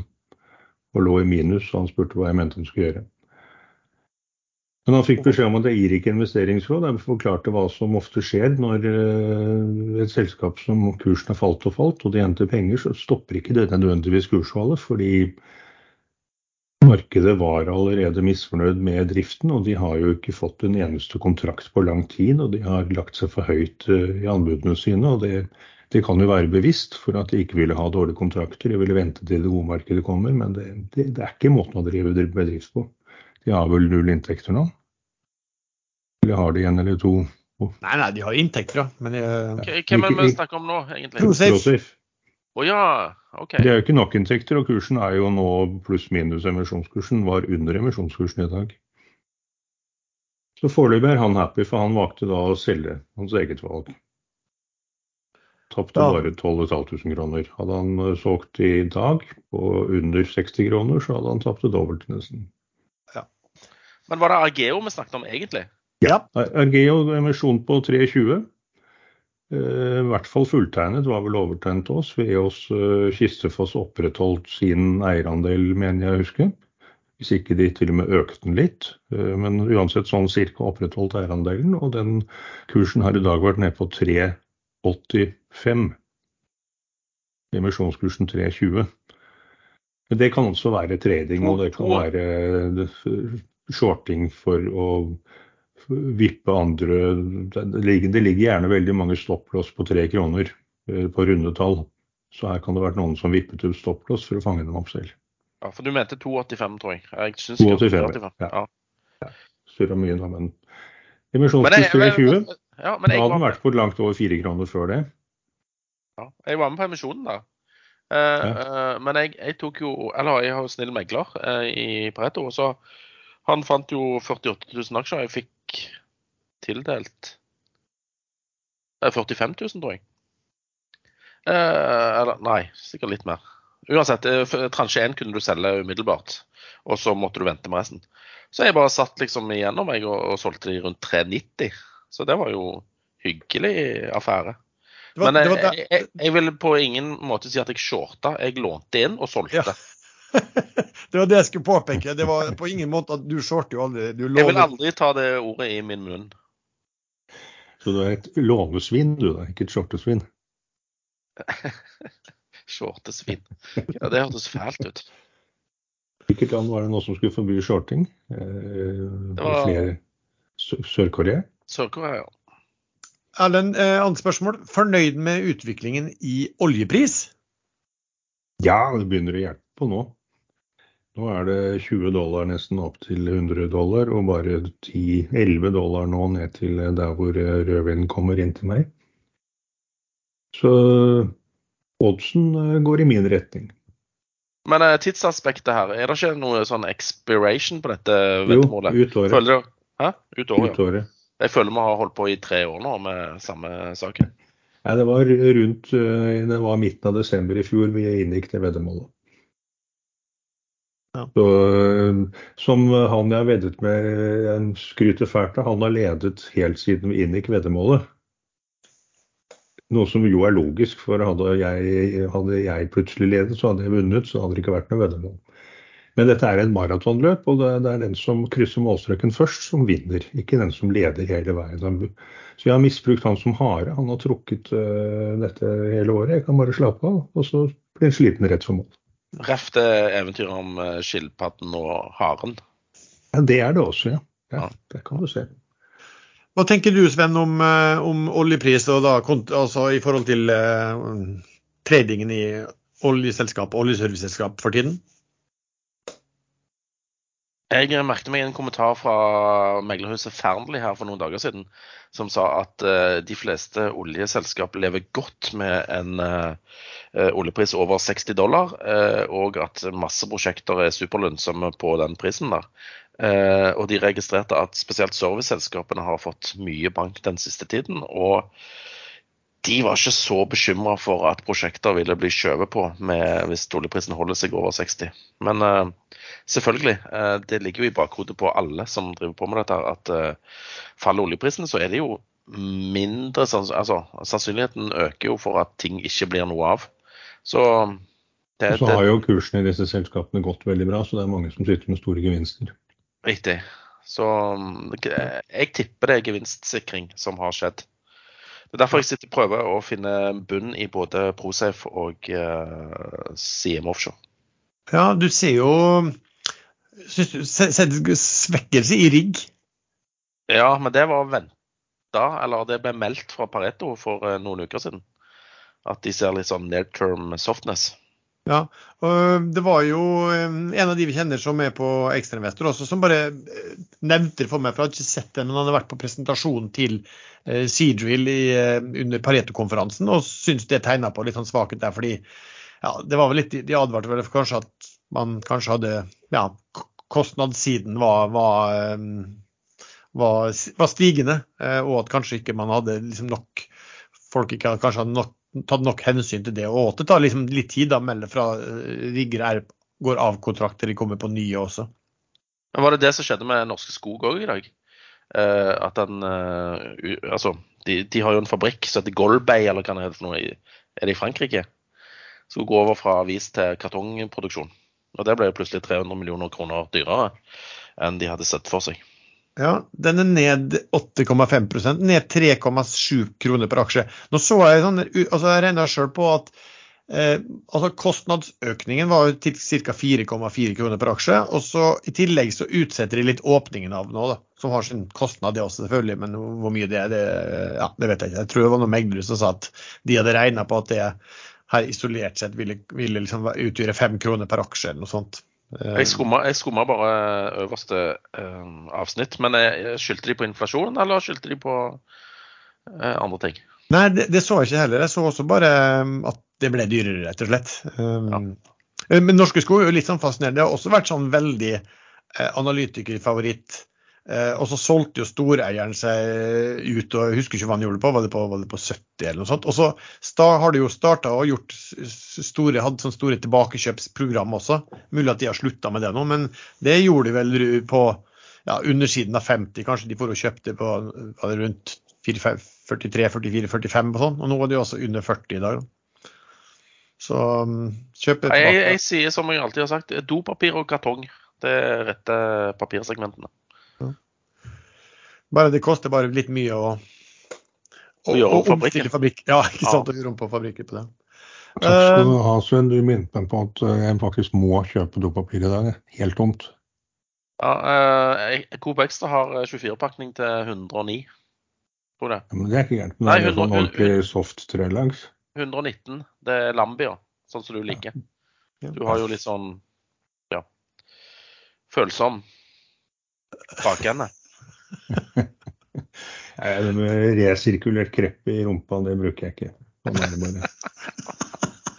Det er Tungmetaller og mye rart i resirkulert toalettpapir. AKA sandpapir. Uh, og så har jeg fått spørsmål som var vanlig da, siden vi har kommet med tall i dag, om uh, SD, SD og Saga. Det er jo ikke noe... Det, der har jeg en høne å plukke med deg. fordi at uh, dagen før tall så skrev du på Ekstrainvestor at uh, eh, STSD kommer med tall i morgen. De kommer til å bli bra fordi at underliggende verdier i, eller kurser i selskapene de har andeler, har steget. Ja, Så det kan jo være en trading i det, da. Ble, ble ja, de, tallene ble bra, men alle Altså, Hvem er det så opptatt av den aksjen der? Det er jo sånne nerder sånn som deg. Og så, ja. altså, ja, Dere visste jo det kom, så da selger dere på nyheten likevel. Ja, så jeg altså, hadde jo kjøpt 100 000 aksjer der og måtte selge med ett øre i tap. Det er en tusenlapp, det. Så du skylder meg det nå. Med et dyrt julebord, ja. Uh, nei, men det er jo helt riktig. Det, det, for det, er jo ikke noe sånn noen, altså man, man, er jo mer opptatt av hva de gjør med pengesekken, og strengt tatt så gjør de jo ingenting. Så det, er jo litt sånn eh, Nav-tiltak for eh, ansatte i spitalensfæren som, som sitter her nå, siden de ikke gjør noe. Da er det jo greit at, at verdiene øker, da sånn som i SDSD. og Den, den steg jo først på dagen òg, men det mistenker jeg var fordi at det sto feil i en melding fra Finansavisen omtale at de skulle betale 50 øre per aksje i utbytte. Det hadde jo vært 25 av market capen. Eh, men det var jo feil. Det var jo det var egentlig Det, det gjaldt jo et kommentar rundt uh, disse standard supply, så de hadde ikke noe med SD og SD å gjøre. Nei, altså, det, det, er ikke så mye mer å si. altså at en, enn at det er rart. Den, den er prisa med rabatt. Etter mitt syn så er vel den prisa med rabatt av fordi at mange tror at Spetalen og co. kommer til å gjøre transaksjoner fiendtlig mot de andre aksjonærene. Det er litt vanskelig å se andre grunner til det nå. De har masse cash, de har sittet på den cashen i, i, i, et år. og, og, og du kan altså, den, du gjør en fantastisk investering ved å kjøpe egne aksjer, og det vil de tydeligvis ikke gjøre, for da går kassa ned. Uh, Warren Buffett han hadde jo gitt de gutta stryk så det holder. Han han hadde ikke kommet nærheten det også. For han, han har vel sagt liksom at uh, uh, jeg så hva han skrev om, om å kjøpe tilbake. Han skriver the math isn't complicated. When the share count goes down, your interest in our many businesses goes up. Every small bit helps if repurchases are made at value accretive prices.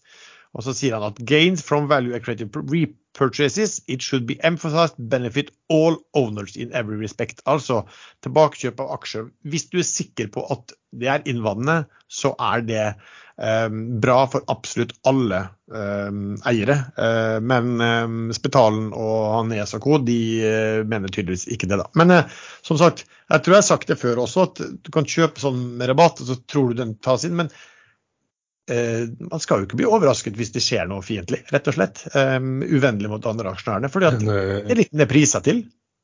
Den STST, den er jo gamle standard drilling, og måten den endte opp som STST, den var jo så stygg som det går an å bli, vel. Hvis jeg husker historien riktig. Jeg mener at standard drilling også sin tid var så historikken ble veldig stygg. Så det er litt tradisjon i det selskapet for å overkjøre andre aksjonærer. Ja, det har vel skjedd transaksjoner der før som har vært eh, ja, der man har kjøpt av kanskje eierne, storeiere selv og sånn også. Så, men nå er det jo en del eh, kjente forretningsmenn der som kanskje ikke vil se på det med sånn veldig eh, blide øyne. da. Um, sånn sett, jeg ser vel Fredelig er vel også stor aksjonær der. Men det, det, vil jo vise altså Kanskje er det bare smartere sitter og venter på pengene til det kommer en, en, en solid sjanse. Men uansett eh, å vente. Så det finnes ingen bedre solid sjanse enn å kjøpe f.eks. en aksje tilbake med eh, rabatt på nettcash. Eh, det går ikke an. Så hittil har jo stått de gutta til stryk minus, men det er jo sånn. Nå kommer det akkurat en artikkel på E24 som sier at uh, sørkoreansk uh, Hanwa Ocean er interessert i Philly Shipyard. De bekrefter det i en uh, i en uh, sørkoreansk avis, Money Today. Ja, for det har, det har jo stått tidligere det, i Korea at de var på uh, jakt etter å se på noe sånt. Uh, kursen på Filly har vel steget fra 30 til 40 kroner, har det ikke det? Ja. Og han ligger på 43 akkurat nå. Men uh, det står det sørkoreanske skipsverftet Hanwa Ocean melder fredag at det vurderer alternativer knyttet til utenlandsvirksomhet, inkludert Philly Shipyard. Ja. Det kan jo bli uh, interessant. Røkke bruker jo å være flink, da vi snakket nå. Han er flink selger, så vi får Han har solgt til han var tidligere, han? Uh, ja, det har han gjort. Han har solgt Rexi. Ja.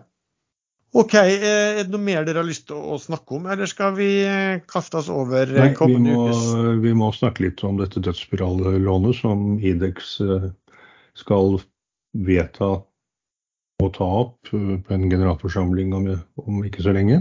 Ja. Men jeg blir ikke innkalt til ennå.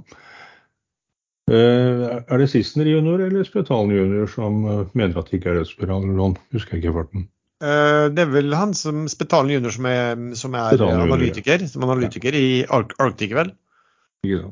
Men jeg vil påstå at han er en veldig veldig, veldig mye bedre analytiker enn meg, men jeg er en bedre dødsspirallånkjenner enn han.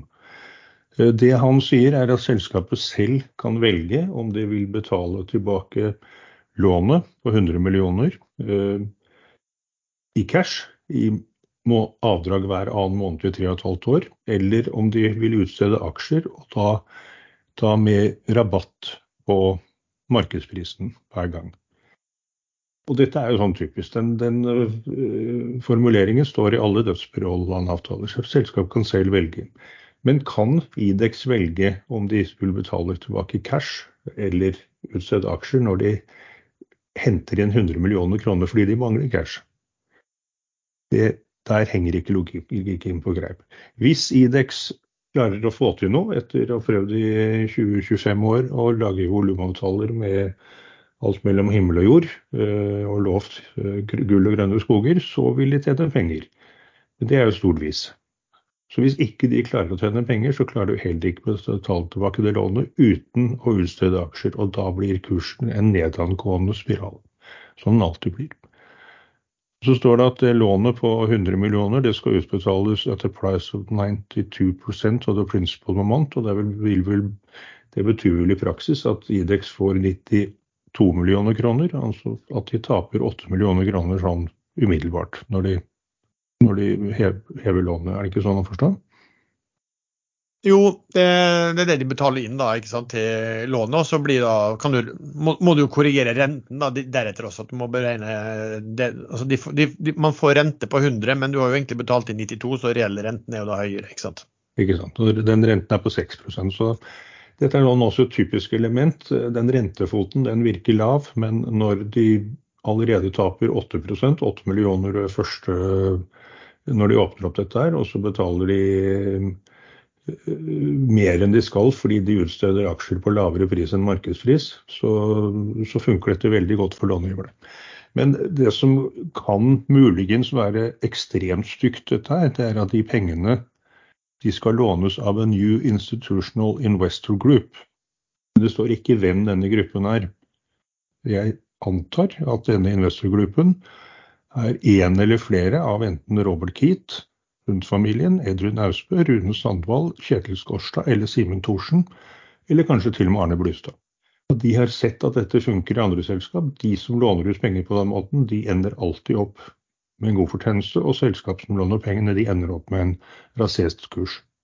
Men de, men de, ikke jo New Institutional Investor Group. Da. Det, men det, kan, det, blir jo interessant å se helt enig hvem, ja. eh, hvem dette her er. da. Men dette, Også, er en, eh, dette, er, dette er for så vidt ikke en påstand, men jeg blir ikke overrasket hvis det viser seg at det er disse som låner ut penger til sitt eget selskap. Ja. Det er jo i hvert fall sånn at det her må godkjennes av, uh, av generalforsamlingen, sånn som jeg forstår, for det er en konvertibel. Altså, det som er det er et lån som løper på tre og et halvt år, eh, sånn som jeg forstår. Ja. Og så eh, Tilbakebetalinger sånn, hver andre måned. Ja, og så er det sånn at eh, långiveren selv, de kan, de kan um, velge, velge, å konvertere eh, til en pris som ligger over dagens kurs. Nei, låntakeren. Det er Idex som bestemmer om de skal uh, Nei, de nei. Der, der, er jeg ikke helt enig. Altså, Långiveren kan bestemme men da er kursen fastsatt, og den jeg tror jeg skulle være til uh, Men at den skulle være til uh, um, Det står at 'conversion price will be at the premium to the stock price at closing of the final agreements'. Ja, der, sa du, der sa du premium igjen. Ja, men det står det. Det står uh, 'conversion price will be at a premium to the stock price at closing of the final agreements'. På, på engelsk kan man kalle det for premium. Ja, det er greit, det. kan vi sikkert gjøre. Men så står det uh, And any repayment by issuance of share will be at a discount to market price at each installment. Så det vil Si alle tilbakebetalingene i form av utstedelse av aksjer, det vil bli rapportert i forhold til kursen. Ja, Men, men bare så vi skiller på der. Det er sånn at de som långiveren de kan si at jeg vil konvertere eh, lån til eh, aksjer nå, ikke sant? Og da er det én pris. Så kan det være Idex som sier at eh, enten vi vil ikke eller vi kan ikke betale dere tilbake eh, renter og avdrag. Eh, og, ID, og derfor vil vi betale dere i aksjer. Hvis Idex sier det, da blir jo denne her satt eh, eh, da, da, er vel da den begynner å ligne veldig på et helt vanlig dødsspirallån, sånn som jeg kan skjønne dette her. Eh, for da, det, da, skal kursen settes lavere enn den børskursen som da er. Så hele caset er jo litt sånn som du sier, da, Erlend, er vel at eh, de som låner 100 millioner og har tapt masse penger, har de penger til å, eh, til å betjene et sånt lån Per i dag har de ikke. De har ikke inntekter. Null.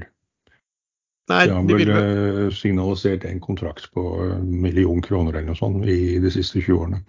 Men DS Betalende Junior sier Idex står fritt til å betale ned gjelden med kontanter eller aksjer. Så det er Idex som velger.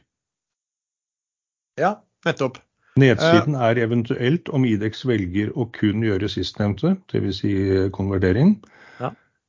Uh, Men Idex-sjefen påpekte under presentasjonen at det alltid vil være ønskelig å betale med kontanter dersom de er tilgjengelige. Så han tar jo forbeholdet der. Ja, ja, Så Idex er fullstendig klar at disse pengene har de ikke, og skal de få dem, så må de faktisk få et gjennombrudd. Og det gjenstår å se. Ja, De sier at det ikke er dødsbyrålån, men kan skal i hvert fall si Ja, sånn. de sier det, høres, men det, eh, høres har ut, alle elementene. det høres ut som en farlig, et farlig lån å ta. I hvert fall. De er i lomma på långiveren, uh, uansett hvordan man snur og vender på dette. Men hvis de tjener penger og klarer å betjene det, så er de ikke det. Ja. Det blir i hvert fall interessant å se da hvem denne New Institutional Investor Group som er. Og Ja, og det vil man jo se i innkallingen til generalforsamlingen. Og hvis ikke det står der, så, så må Børstilsynet gjøre et eller annet. Det, det må opplyses om. Børstilsynet. Ja, markedsovervåkningen eller hva som helst.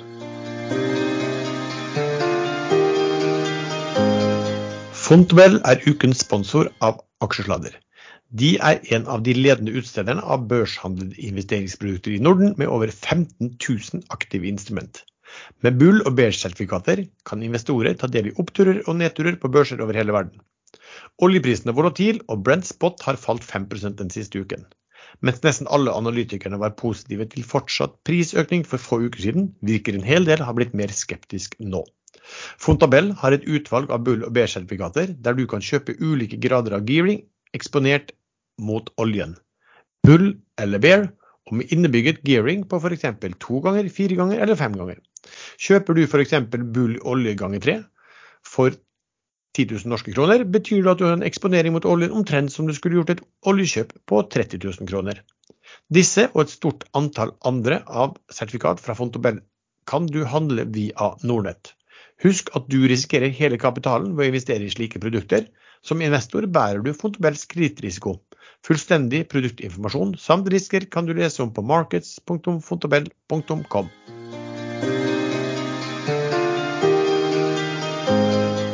OK, la oss ta avslutte, da, som vi bruker å gjøre med. Man, har dere noe, noe favoritt eller noe spesielt obs på uken som kommer? Sven? Jeg kan jo begynne å snakke om den eh, lovede uh, bond-traden i eh, Sverige. Eh, det kom akkurat, en, eh, eller akkurat, akkurat for en times tid siden en nyhet eh, om at Ivar Tollefsen, som da eier Heimstaden via selskapet Fredensborg Eller Freden, Fred, Er det Fredensborg? Er ikke det et, en plass i Oslo? Jo? Fredenborg? Eller er det Freden? Da ble jeg veldig usikker. Samme det. Eh, han har gjort et intervju med Bloomberg og sier at han vil selge seg ned i heimstaden Bostad, som da eier masse leiligheter rundt omkring i hele Europa, for å redusere eh, gjelden til heimstaden. Eh, og da gikk prisene i været på Eller de steg i hvert fall, disse, disse indikasjonene på heimstaden-obligasjonene. Men eh, så er det et eh, lån der, 4,25-lånet i euro, som forfaller i 2026.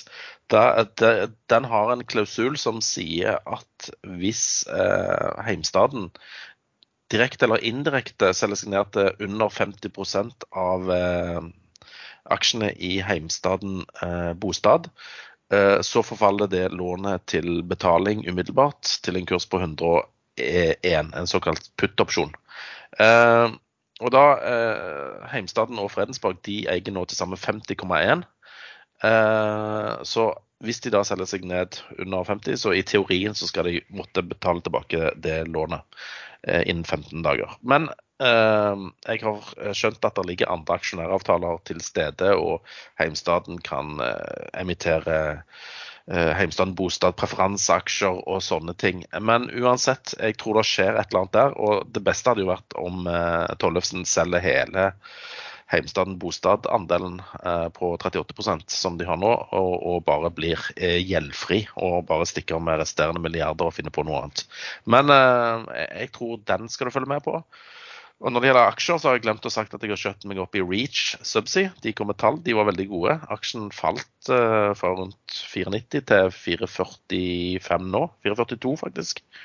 Um, så den uh, driver jeg og kjøper litt i, uh, under 450.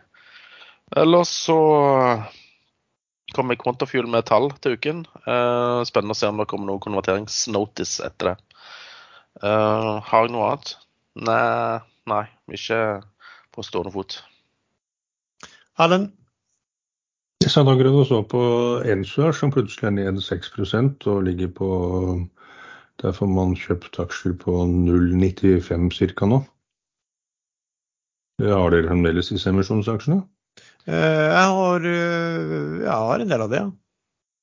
Den stakk jo opp og kommer, kommer sånne nyheter av og til, og så stikker den opp, og så faller den ned. Men den har jo ikke falt så mye sånn som den gjorde eh, har ikke vært nede på 6% eller den har ligget rundt én, egentlig, hele, altså rundt emisjonskurs, bortsett fra disse her eh, spikesene opp da, på nyheter. Har lav, lav kurs i dag, 8,5 øre. 0,85 0,085 kroner. Hvor, hvor, da? Ensu. Nei. Jo. Den ligger, den ligger på 0,09 Ni. Nå ligger den. Ja, ja. nå, men den hadde en knekk ned nettopp. Ja, sånn, ja. ja. Det kom kanskje en Klokka 15. Nei, 11. Der, ja. Der, ja. ja der ser jeg det. Du må ikke, må ikke skremme Larsson. Nei, det er jo bare sånn det uh, Stemmer det? Det gikk nesten en million. Jeg er jo all in, så det var meningen, det å Jeg sa at jeg skulle hevne dette julebordet i Spania. ja, det var det. All in i Edsu. Alle mann på dekk Nei, men de skal vel snart hente mer penger, skal de ikke det? De henter vel en gang i måneden? De skal vel hente hele tiden, liksom. Eh, nå sa de vel sist gang at nå skulle de vel eh, få gode avtaler, i hvert fall, og komme seg i en eller annen posisjon før de skulle hente nytt. Jeg, jeg, vet ikke, altså. Det er jo for min del bare ja, trade. Ja. Nei, men det var du ferdig, Sven, med dine favoritter? Ja, var ikke det? Jo, jeg var jo det. Um, Argeo har jeg fulgt med. Uh, vært en del opp og kjøpt og solgt flere ganger og likevel sånn ca. pluss-minus null. Jeg tapte på siste treden, men jeg solgte jo lenge før den falt ned mot inversjonskursen. Uh, og vurderte jo å ta den da den var rundt 23, men jeg tenkte at uh, når det faller ned til emisjonskursen, så faller den ofte under. Og da har man denne trekrona, det runde tallet, hvor folk ligger med stopplås, og det ble tydeligvis utløst i dag. Men jeg vet ikke. De meldte jo et par dager siden eh, beløpet på den ene avtalen de hadde signalisert med en oil major, uten å si hvem det var, og den var på 55 millioner kroner. Vet dere om det var mer eller mindre enn man markedet regnet med? Vet ikke. Men uansett, eh, Geo har ikke akkurat eh, tradisjon for å overraske på den positive siden. Eh, jeg har håpet og trodd at de skulle gjøre det denne gangen, men det gjenstår å se. Men når noe først har falt, og hvis emisjonskursen ikke holder seg, så kan fallet bli mye dypere enn det har vært nå. Så jeg avventer. Kjøper den heller på 3,30 tilbake på veien opp enn å kjøpe noe og bli med ned til 2,50. Um, Nodel den er litt interessant. Det er jo Fredriksen-selskapet. Der er eh, aksjene utstedt i emisjonen, så han har nå fått 317 millioner nye aksjer på utstedt. Og de andre aksjonærene som tegnet seg, det var ca. 7,5 millioner aksjer. Eh, alle har fått aksjene, men ikke på eh, Oslo Børs. De kom på en egen ISIN-nummer. Ehm, og kan muligens reddes på OTC, det vet jeg ikke.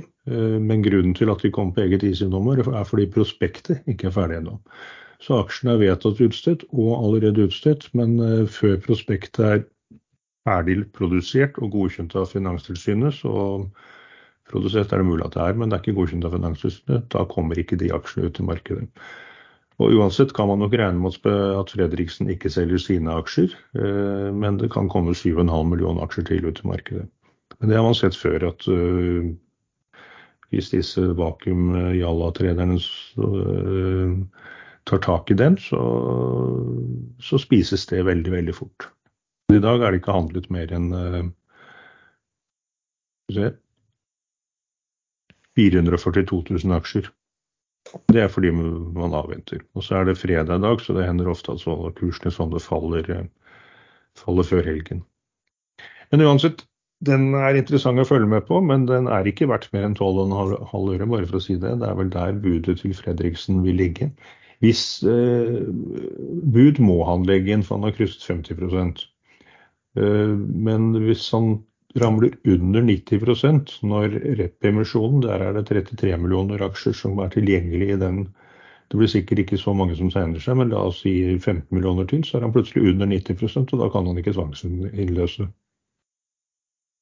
Da må han eventuelt kjøpe seg flere i markedet, eller vente på neste emisjon, for det kommer flere emisjoner i den. Så det er veldig interessant, og plutselig så lager han en uh, deal med Hanva, uh, et forlik, før det Eh, før de arbitrerer videre. og da, da kan det skje mye. Men dagens kurs på 1,22 nå, den er uansett altfor høy. Det er veldig få selgere i det selskapet akkurat nå. Det er, ikke, det er ikke mange som har mye aksjer som de vil ut med. Da hadde kursen ligget på 40 øre, ikke 1,22. Hva prises den da? For nå er jo Fredriksen 95% i skjønner allerede nå, eller? Er det... det er over, over 94% etter at han fikk de aksjene, men det kommer rep-emisjon, og da vil han sannsynligvis falle under. Han har også fire uker på seg fra han krysset 50 %-grensen, og det var vel i går eller foregårs. Eh, kanskje mandag var det kanskje. Men uansett, fire uker fra den dagen, datoen, til han må legge inn bud. Ja, Vi sa vel at det var galskap i den aksjen der i forrige episode, og da lå vel kursen eh, på nesten tre kroner eller noe? Gjorde det? Eh, det, det jo... Ja, skvatt rett opp, og så ramla ned igjen til under en krone, lå på 0,90. Ja. Og så kom det en eller annen uh, meld... Jo, det kom melding om at uh, aksjene var utstøtt, og da regnet jeg og mange andre med at den ville falle først. Men jeg regnet også med at den ville dra videre opp igjen på vakuum, men den falt ikke. Den gikk rett opp. Så da kjøpte jeg en bolk på 1,16 snitt. Får vi se. Okay. Noe annet, Erlend?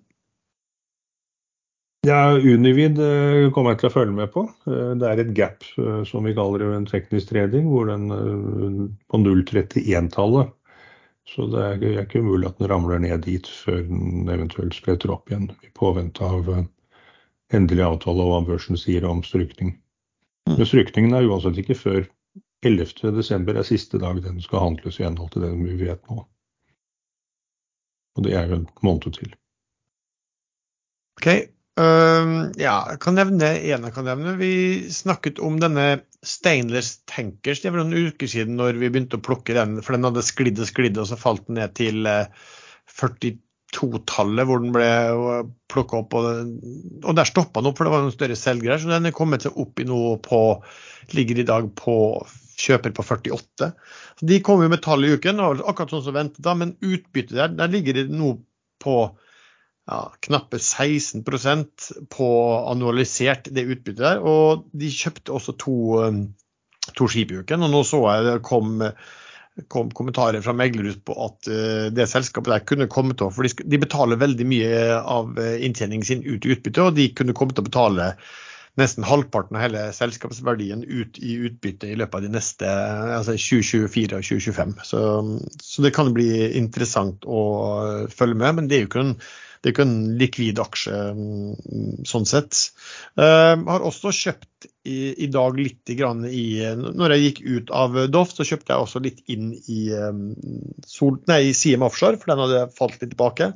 Ikke noe sånn større beløp. Det er litt sånn at Jeg har jo eid den før, uh, og den har falt en del ned. Den var vel oppe i 28 var ned på det høyeste, og falt ned da på på rundt 23 nå. Um, og så tror jeg ikke nevnte, men det har også økt litt i eh, Golden Energy Offshore. Det var der emisjonen ble gjort på, på en krone. Og så har det jo vært noen reparasjonsemisjon og ja, litt, blir litt salgstrykk uh, ut ifra det. Har de kommet i reparasjonsaksjene i Golden Shower? de ble vel trukket, var ikke det? Så at skal vi se hva så Men er de blitt levert, liksom? Jeg tror ikke det.